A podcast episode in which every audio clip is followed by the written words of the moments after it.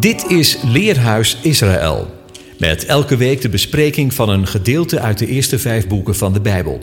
De presentator van deze week is Kees Duizer.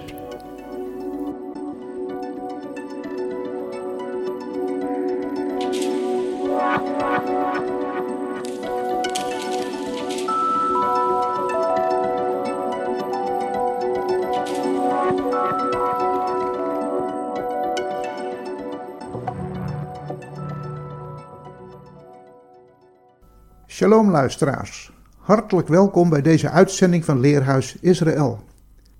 Deze Shabbat wordt gelezen de Parashat HaAzinu. Deze parasha vinden we in de Verim of Deuteronomium 32 vers 1 tot 52. Het is het lied dat Moshe in opdracht van de eeuwige moet opschrijven, zoals we hebben gelezen in de Verim 31 vers 19.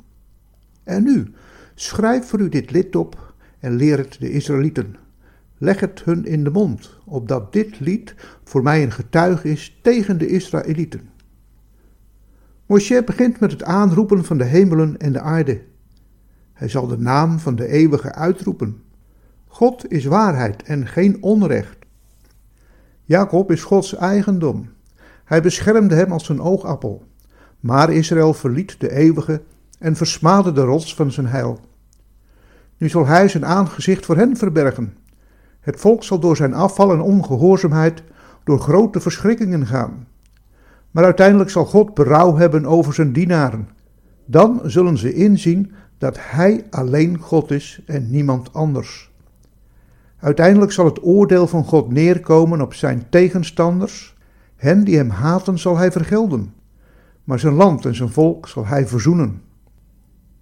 De Haftarat-lezing is deze Shabbat niet uit 2 Shemuel 22 vers 1 tot 51, zoals gebruikelijk, maar in verband met Shabbat Shuva is de lezing uit Hosea 14 vers 2 tot 10 en Micha 7 vers 18 tot 20, waarbij in de Askenazische synagogen aanvullend nog Joel 2 vers 15 tot 27 wordt gelezen. De lezing uit het Berit Gadesha is uit de Romeinen 10 vers 17 tot 11 vers 12 en 15 vers 9 tot 10. Israël is een ongehoorzaam en tegensprekend volk. Maar God heeft zijn volk volstrekt niet verstoten. Maar door hun val is de redding tot de heidenen gekomen om hen tot jaloersheid te verwekken, opdat uiteindelijk de heidenvolken samen met Israël zijn naam zullen beleiden en zijn naam zullen lofzingen. Deze parasha gaat over een lied, Shira Ha'azinu, dit lied is een waarschuwing. Een waarschuwing voor Am Yisrael. Maar het is ook een profetische boodschap voor iedereen die gelooft in de eeuwige God van Israël en in zijn zoon Yeshua. Een boodschap van hoop.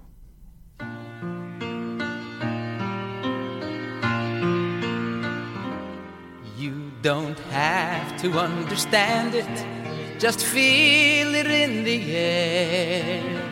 See it in the old man's gentle smile. We don't have to see him, cause we all know that he's there. I'll sing to you a while. Hear it in the mountains echo, in the ocean's roar. See it in the rolling clouds above. Even though it's all been said 10,000 times before, we know Hashem's the world, Hashem we love. In the darkness, when I'm frightened, is He standing at my door? Does He watch me in my bed?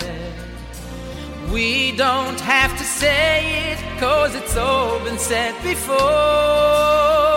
I'll sing to you instead.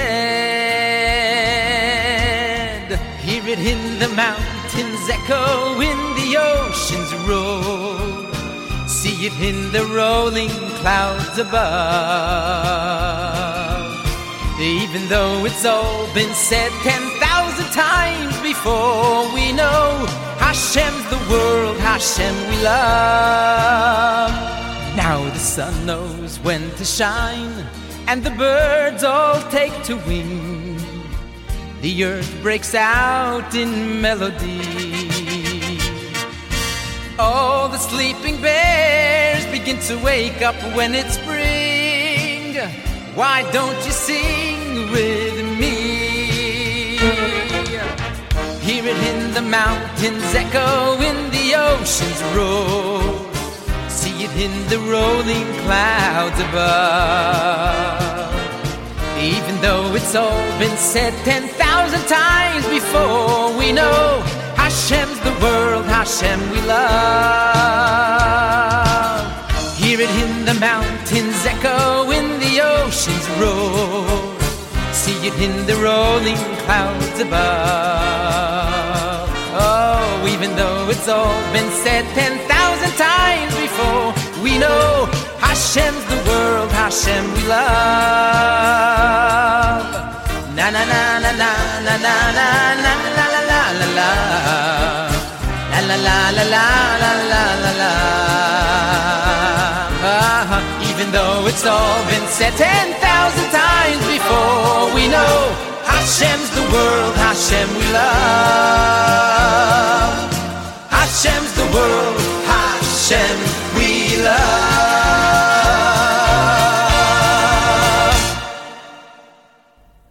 De titel van deze parasha, Ha'azinu, is ontleend aan het eerste woord van de zin waarmee de parasha begint. Ha'azinu hashemayim wa'adbera vetishma ha'aretz imrefi. Luister hemelen en ik zal spreken en hoor aarde de woorden van mijn mond. Ha'azinu is een vervoeging van het werkwoord azan, dat letterlijk betekent je oor geven aan, aandachtig luisteren naar, opletten. Je zou het kunnen vergelijken met een onderofficier die voor het peloton staat en roept: geef acht. Am moet aandachtig luisteren naar het lied van Moshe. Want wat nu volgt heeft grote betekenis voor het volk en enorme gevolgen als ze ongehoorzaam zijn. Het geeft inzicht in de nabije en de verre toekomst van het volk. Het is een lied vol verschillende thema's die elk een onderdeel zijn van het inzicht dat de eeuwig aan zijn volk wil geven met betrekking tot hun toekomst. Als we proberen een overzicht te maken van dit lied, dan kunnen we de volgende thema's benoemen. Moshe begint met een inleiding. Hij bezinkt de grootheid van de eeuwige. Hij benoemt het verderfelijk handelen van Israël en hun gebrek aan inzicht. Moshe herinnert hen aan hun geschiedenis.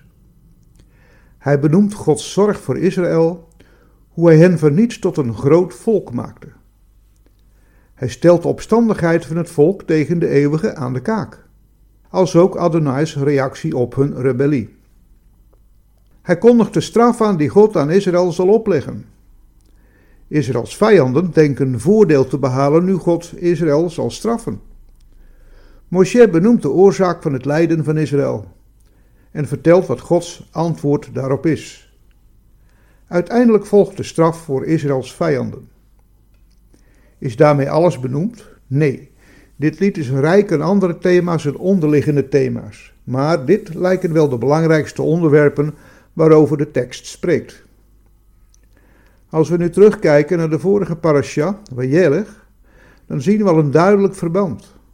Vanaf Devarim 31 vers 14 begint Adonai aan Moshe te openbaren hoe Am Yisrael afvallig zal worden van de eeuwige en de afgoden in het land, waar ze naartoe zullen gaan, zullen gaan vereren. Zij zullen het verbond dat de eeuwige met hen gesloten heeft verbreken. Het gevolg lezen we in vers 17 en 18. Dan zal mijn toren op die dag tegen hen ontbranden. Ik zal hen verlaten en mijn aangezicht voor hen verbergen, zodat ze opgegeten zullen worden. En veel verschrikkelijke dingen en noden zullen het volk treffen, zodat het op die dag zal zeggen: Hebben deze verschrikkelijke dingen mij niet getroffen, omdat God niet in ons midden is? Ik zal mijn aangezicht op die dag zeker verbergen, vanwege al het kwaad dat het gedaan heeft, want het heeft zich tot andere goden gekeerd. Maar als de eeuwige dit al aan Moshe had bekendgemaakt, waarom moest dit lied dan nog geschreven worden? Waarom eraan toegevoegd?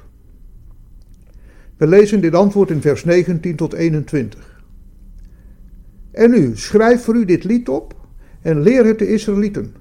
Leg het hun in de mond, opdat dit lied voor mij een getuige is tegen de Israëlieten.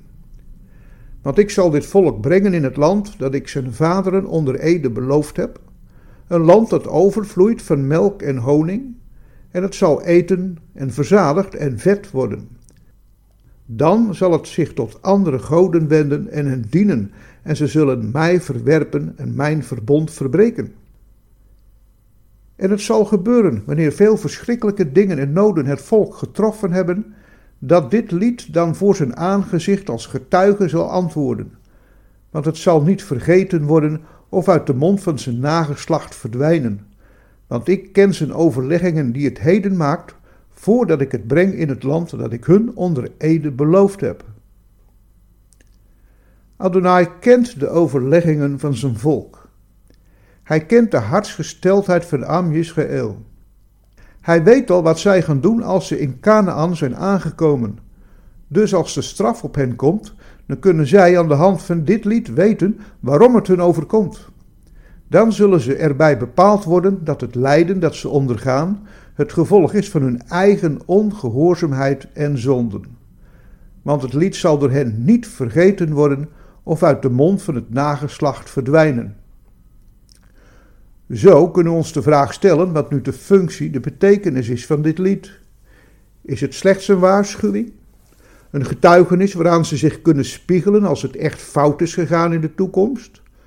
Zoals een vader zijn puberale zoon waarschuwt voor de gevolgen in de toekomst, als hij zijn rebelse gedrag blijft voortzetten? Of is de betekenis van dit lied wijder? Heeft dit lied profetische betekenis? En als dat zo is, voor welke tijdsperiode of tijdsperioden geldt dit dan? Laten we lezen wat er staat in Devarim 31, vers 29. Want ik weet dat u na mijn dood zeker op verderfelijke wijze zult handelen en van de weg die ik u geboden heb zult afwijken. Dan zal dit kwaad u in later tijd overkomen, wanneer u doet wat slecht is in de ogen van de Heere, om hem door het werk van uw handen tot toren te verwekken. Voor de woorden in later tijd staat er letterlijk in de tekst Beacherit Hayamim, aan het einde van de dagen. Betekent dit dat het lied dat Moshe moest opschrijven en aan het volk moest leren alleen geldt voor het einde der tijden? Nee, de betekenis is veel wijder. Het betekent zowel de dagen die later komen, maar evenzo mag het slaan op de laatste dagen, de tijd waarin wij nu leven. Volgens enkele rabbijnen is Ha'azinu een profetische verwijzing naar gebeurtenissen die al snel na de dood van Moshe hebben plaatsgevonden toen ze nog maar kort in het land Canaan waren gekomen. Een zekere rabbi Elchanan Samet schreef hierover: Ha'azinu is geen recensie over een alleenstaand historisch proces. Het schetst eerder een overzicht van een historische realiteit die zich in verschillende generaties steeds weer herhaalt, met lichte wijzigingen in toon en accent. We zullen in de volgende gedeelten met een voorbeeld zien hoe een en ander zich heeft voltrokken.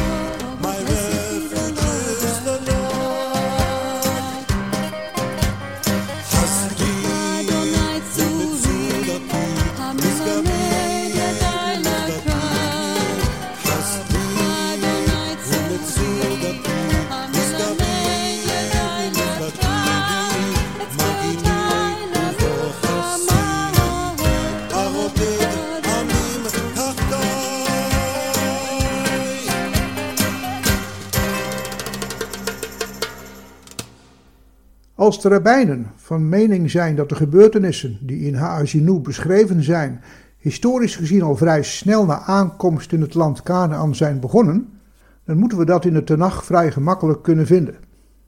Een van de technieken om tekst met tekst te verklaren is het zoeken naar overeenkomende thema's of woorden die in verschillende teksten voorkomen of met zekere regelmaat herhaald worden. Zo lezen we in Richteren, Shoftim 2 vers 8 tot 18.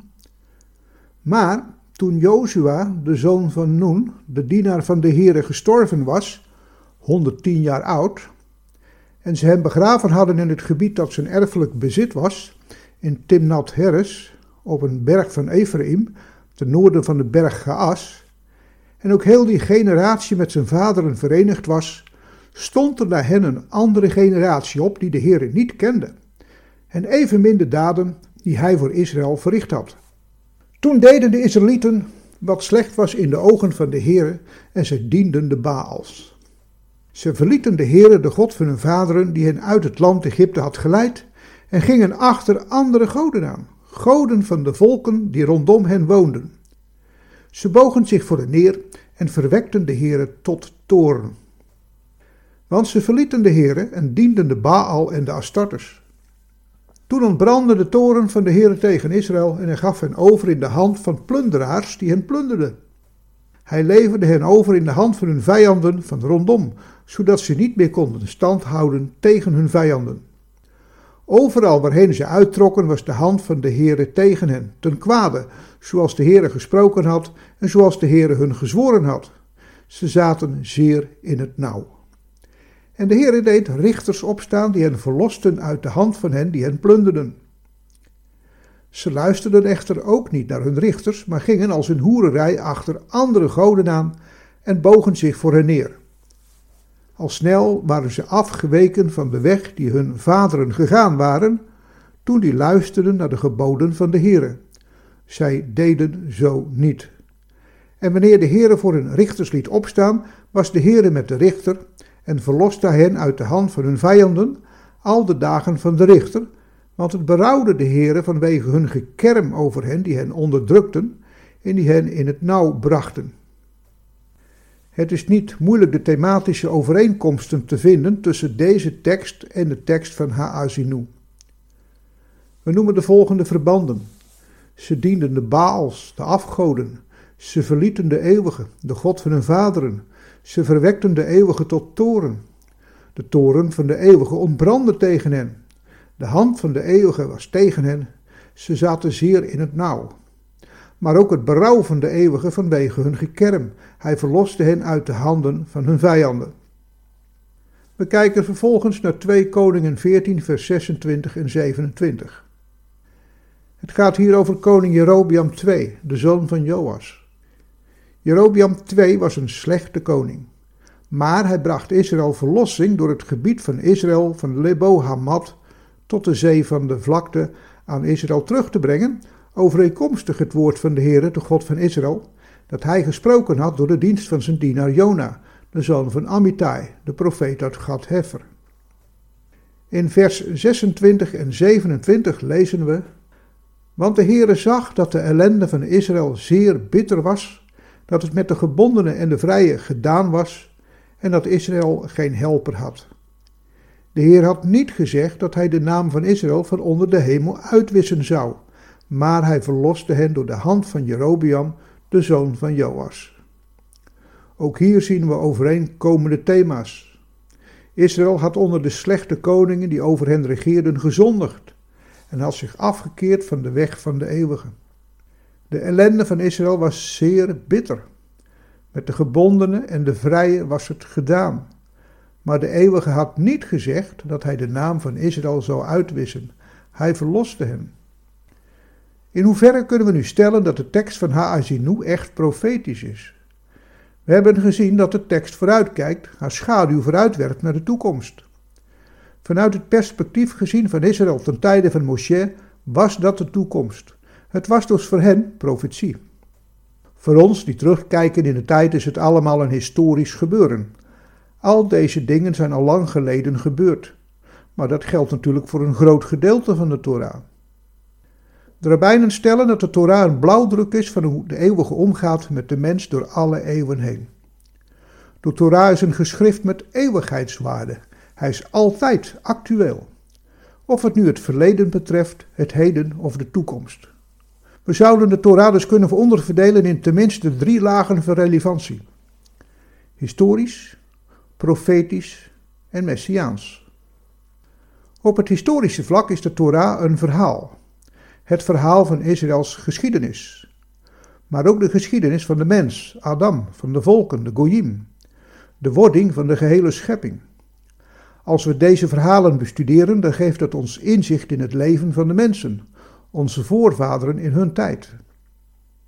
We trappen een open deur in als we stellen dat de Torah profetische betekenis heeft. De gebeurtenissen die we in de Torah lezen zijn niet geïsoleerd in de tijd. Ze hebben nog steeds betekenis. In die zin zijn het voorafschaduwingen van de toekomst. De toekomst van de nakomelingen van Am Yisrael, maar uiteindelijk de toekomst van alle mensen. Je zou kunnen zeggen, als we de Torah lezen, dan bestuderen we de blauwdruk van Gods omgang met de mens van alle eeuwen. Jesaja zegt daarvan dat de eeuwige degene is die het einde vertelt bij het begin.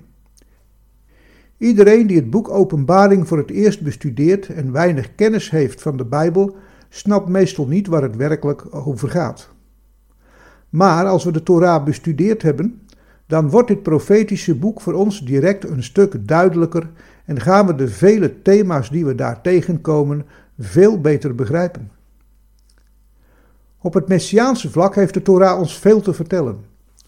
De gebeurtenissen die plaatsvinden in het leven van de aartsvaders vertellen veel over de persoon, het leven en het werk van Yeshua. Veel schaduwbeelden van Yeshua zijn te vinden in de Torah. We noemen onder andere de geboorte van Yitzchak als de beloofde zoon. De Akedah de binding of het offer van Yitzchak, als de verwijzing naar de kruisiging en de opstanding van Yeshua. De wegvoering van Jozef als slaaf naar Egypte en diens uiteindelijk bereiken van de hoge positie als onderkoning van Egypte. Een geweldig schaduwbeeld van Yeshua. En natuurlijk het leven en de bediening van Moshe. Zijn leven en zijn bediening is één profetische voorafschaduwing van het leven en de bediening van Yeshua. De Torah bevat vele patronen en schaduwbeelden van de vele goede dingen die nog zouden gaan komen. Maar ook in de Tanach vinden we in de verhalen en de boeken van de profeten vele dingen die een mysterie blijven totdat ze worden onthuld, geopenbaard. Zo waren bijvoorbeeld de profetieën die we vinden in Jesaja 53, de profetie over de leidende knecht des Heren, een mysterie. Totdat deze profetie door het lijden en sterven door Yeshua werd vervuld. Veel rabbijnen zijn het met die uitleg niet eens. Zij wijzen erop dat deze profetie betrekking heeft op Am Israël, die door alle eeuwen heen geleden heeft als de leidende knecht van de Here. Hebben zij daarmee gelijk of ongelijk? Zou het niet zo kunnen zijn dat beide waar is? Yeshua die hen voor is gegaan in zijn bediening als de leidende knecht van Adonai. En dat Am Israël hem daarin is gevolgd. Terecht zegt Yeshua, een knecht staat niet boven zijn meester. Als zij met mij deze dingen hebben gedaan, zullen zij dan niet deze dingen met jullie evenzo doen? Dit geldt natuurlijk evenzo voor alle discipelen van Yeshua. Profetie heeft meerdere niveaus, meerdere lagen en kent dus ook meerdere vervullingen. Daniel profeteert in Daniel 9, vers 27. En hij zal het verbond voor velen zwaar maken, een week lang. In de helft van de week zal hij slachtoffer en spijsoffer doen ophouden. En op een vleugel van gruwelen zal een verwoester komen, en wel tot de voleinding toe. En waartoe vast besloten is. Dat zal zich uitstorten over wat woest is. Deze profetie is in de geschiedenis uitgekomen toen de Syrische koning Antiochus Epiphanes in 179 v. Christus de lezing van de Torah in Israël verbood, het spijs- en slachtoffer verbood en in de tempel een beeld van de afgod Zeus liet oprichten.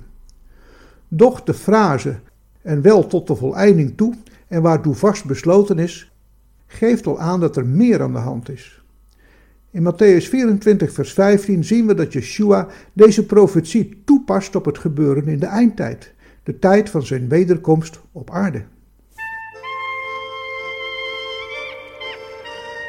The great tragedy of traditional Jewish culture was the destruction of our holy temple. Thus, our great hope is for its rebuilding, second only to the hope of the coming of Messiah, of course. And so we say in prayer and in song, May the temple be built soon in our days, and may your law be our portion. שייבנה בית המקדש, שייבנה, שייבנה בית המקדש, שייבנה, ותן, ותן חלקנו בתור, בתורתך ותן, ותן חלקנו בתורתך. ותן, ותן חלקנו בתור, בתורתך ותן, ותן חלקנו בתורתך. שייבנה בית המקדש,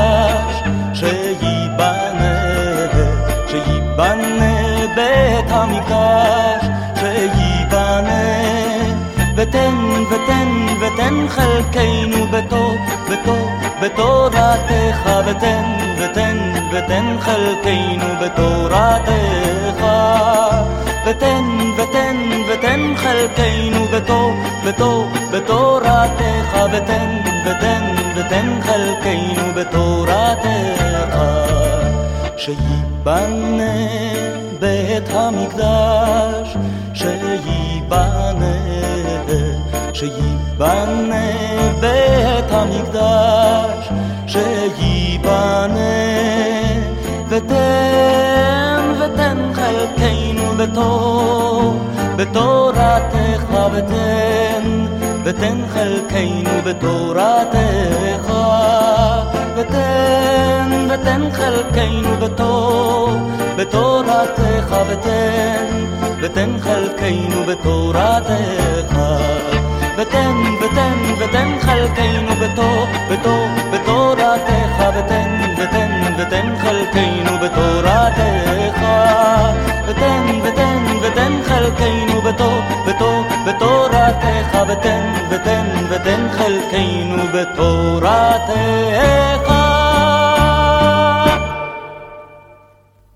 God wil wonen bij de mensen. Zo was het al vanaf het moment dat hij voor Adam en Gawa de hof schiep. Vanaf Bereshit, Genesis 4, lezen we hoe verschillende mensen een altaar bouwden voor de eeuwige. Zo bouwden Kaïn en Abel een altaar. Abraham bouwde er verschillende. Zo ook Yitzchak en Jacob. Het was hun manier om met Adonai om te gaan, hem te eren en te aanbidden. Nu zou je je kunnen afvragen, als God zo graag bij de mensen wilde wonen, waarom gaf hij hun dan geen opdracht om voor hem een onderkomen, een miskant te bouwen? Dat gebeurde pas eerst toen Am Israël door hem uit Egypte was bevrijd en geleid was naar de woestijn. Toen kregen ze opdracht om voor hem een miskant te bouwen. Zo lezen we in Shemot, Exodus 25, vers 8. En ze moeten voor mij een heiligdom maken, zodat ik in hun midden kan wonen. En in Shemot 29, vers 45. Ik zal dan te midden van de Israëlieten wonen en ik zal hun tot een God zijn. Maar veel later pas, toen ze al zo'n 400 jaar in het beloofde land woonden, kreeg koning David het verlangen en het inzicht om voor de eeuwige een huis, een tempel te bouwen. En niet hij, maar zijn zoon Shlomo mocht de tempel pas bouwen. Zo kreeg Adonai in Israël een definitief huis om te wonen. Wat leert ons dat? Dat leert ons dat de eeuwige zijn plannen in stappen, in fases aan ons openbaart. Stap voor stap gaan we zo Gods grote plan met de mensheid leren kennen. Maar in het jaar 70 van onze jaartelling werd de tempel, de tweede tempel, verwoest door de Romeinen. Weghuis van God. Hoe kan God nu onder de mensen wonen? Wel, veertig jaar eerder was op de vijftigste dag, de dag van Shavuot, de Heilige Geest uitgestort over de kleine gemeente van gelovigen in Yeshua. Die gemeente die daarna meteen geweldig begon te groeien. Shaul Paulus leert ons in 1 Corinthiërs 3 vers 16 en 6 vers 19 dat ons lichaam een tempel is van de Heilige Geest.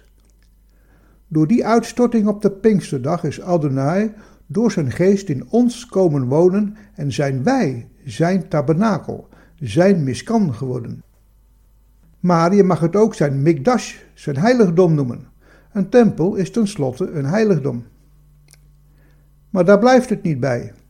Want de uiteindelijke vervulling van Gods voornemen om bij de mens te wonen, zoals hij dat altijd al van plan was in de oorspronkelijke hof, de Gan Eden, en zoals hij dat had beloofd aan Am Yisrael in Shemot 29 vers 45, vinden we in Openbaring 21 vers 3. En ik hoorde een luide stem uit de hemel zeggen: Zie, de tent van God is bij de mensen, en hij zal bij hen wonen, en zij zullen zijn volk zijn, en God zelf zal bij hen zijn en hun God zijn. Zo kunnen we zien dat een schaduwbeeld uit de Torah meerdere profetische betekenissen en vervullingen heeft. Nog een ander voorbeeld. In Bereshit, Genesis 26, vers 4 lezen we: Ik zal uw nageslacht zo talrijk maken als de sterren aan de hemel, en uw nageslacht al deze landen geven. In uw nageslacht zullen alle volken van de aarde gezegend worden. Het is de belofte van de eeuwige die hij eerder deed aan Abraham die hij hier aan Yitzchak bevestigde. Het is de belofte van het krijgen van een zoon of zonen die uiteindelijk een groot volk zouden verwekken dat tot zegen zal zijn van alle volken op aarde. Maar de vertaling van de herziene statenvertaling is hier niet zo accuraat. In plaats van nageslacht zou het beter zijn om het Hebreeuwse woord zera te vertalen met zaad. Want deze belofte heeft ook een profetische betekenis. Dat wordt keurig uitgelegd door Shaul, Paulus in zijn brief aan de Galaten, hoofdstuk 3, vers 16. Nu zijn zo de beloftenissen tot Abraham en zijn zaad gesproken. Hij zegt niet en de zaden als van velen, maar als van één, en uw zaad, het welk is Christus. Ik heb nu de oude statenvertaling gebruikt, omdat de herziene statenvertaling ook in deze brief met nageslacht blijft vertalen. Het mogen duidelijk zijn dat het Hebreeuwse woord zera de beide betekenissen van zaad en nageslacht heeft. Maar omdat het woord nageslacht in ons taalgebruik meestal gebruikt wordt voor een hele reeks nazaten, dus meervoud verondersteld, wordt de strekking van de redenatie van Shaul deels teniet gedaan. Hij past hier dit woord zaad in enkelvoud duidelijk toe op Yeshua HaMashiach. Was Yitzchak de eerste beloofde zoon aan Abraham? Yeshua is de uiteindelijke beloofde zoon, die alle beloften van de eeuwige, die hij al aan Abraham had gedaan, zal gaan vervullen. Zijn al die beloften dan nog steeds niet vervuld? Ten dele wel. Maar de uiteindelijke vervulling zal gebeuren als Yeshua terugkomt. Als hij als de Messias komt om de gehele Torah, alle beloften en alle profetieën geheel te vervullen. En daarbij zal Am Yisrael, het hele nageslacht van Abraham, een belangrijke rol spelen. Laten wij nog even terugkeren naar onze parashat Ha'azinu. We lezen vanaf vers 40. Want ik hef mijn hand op naar de hemel en zeg, zo waar ik in eeuwigheid leef, als ik mijn glinsterend zwaard wet, mijn hand het grijp voor het oordeel, zal ik de wraak laten terugkomen op mijn tegenstanders en het hun die mij haten vergelden. Ik zal mijn pijlen dronken maken van bloed en mijn zwaard zal vlees eten van het bloed van de gesneuvelde en de gevangene, van het hoofd van de vijand met zijn loshangende haar. Juich, heidenen, met zijn volk, want hij zal het bloed van zijn dienaren wreken. Hij zal de wraak laten terugkomen op zijn tegenstanders en zijn land en zijn volk verzoenen. De rabbijnen zeggen, als de eeuwige zijn hand naar de hemelen heft, betekent dat dat hij bij zichzelf een eed zweert. De eeuwige zweert wraak op zijn tegenstanders en hen die hem haten. Dat zijn zij die van God niet willen weten, maar die in alles zijn volk, Israël, en zijn gemeente vervolgen, kleineren, mishandelen, misbruiken en vermoorden. Die grote plannen beraadslagen om Israël te vernietigen, van de wereldkaart weg te vegen. Die erop uit zijn om zijn gemeente te decimeren en uiteindelijk te vernietigen. We zien het elke dag om ons heen gebeuren. Wie bekend is met het werk van Open Doors, weet hoe wereldomvattend de vervolging van de gemeente van Yeshua HaMashiach plaatsvindt. Op internet zijn talloze video's te vinden waarin geestelijke en militaire leiders de totale vernietiging van Am Yisrael, Gods volk, aankondigen. Zij die hiermee bezig zijn, haten de eeuwige en willen vooral hun eigen godheid doen gelden, waarmee zij denken de wereldmacht te veroveren. De zojuist gelezen versen uit Parashat Ha'azinu maken op huiveringwekkende manier duidelijk hoe de eeuwige met zijn tegenstanders gaat afrekenen. Als u het in verder detail wil lezen, lees dan Openbaring 19, vers 11 tot 21 en Openbaring 20, vers 7 tot 10. Gruwelijk zal de uiteindelijke wraak van de eeuwige God op zijn op zijn tegenstanders. Maar in vers 43 van Devarim 32 lezen we de mooie belofte: Hij zal zijn land en zijn volk verzoenen. Israël en alle gelovigen uit de heidenen, de Koyim, verenigd in één volk van God. En ik hoorde een luide stem uit de hemel zeggen: Zie, de tent van God is bij de mensen, en hij zal bij hen wonen. En zij zullen zijn volk zijn. En God zelf zal bij hen zijn en hun God zijn. En God zal alle tranen van hun ogen afwissen, en de dood zal er niet meer zijn. Ook geen rouw, jammerklacht of moeite zal er meer zijn, want de eerste dingen zijn voorbij gegaan. Ik wens u nog een heel prettig weekend toe en blijf vooral gezond. Shabbat Shalom. U luisterde naar het programma Leerhuis Radio Israël. Een wekelijkse studie aan de hand van de Bijbelgedeelten die wekelijks door de Joodse gemeenschap worden gelezen. Heeft u een vraag of opmerking? Stuur dan een e-mail naar info radioisrael.nl. Het leesrooster vindt u op onze website. Ga naar radioisrael.nl en klik onder het kopje radio op programma's.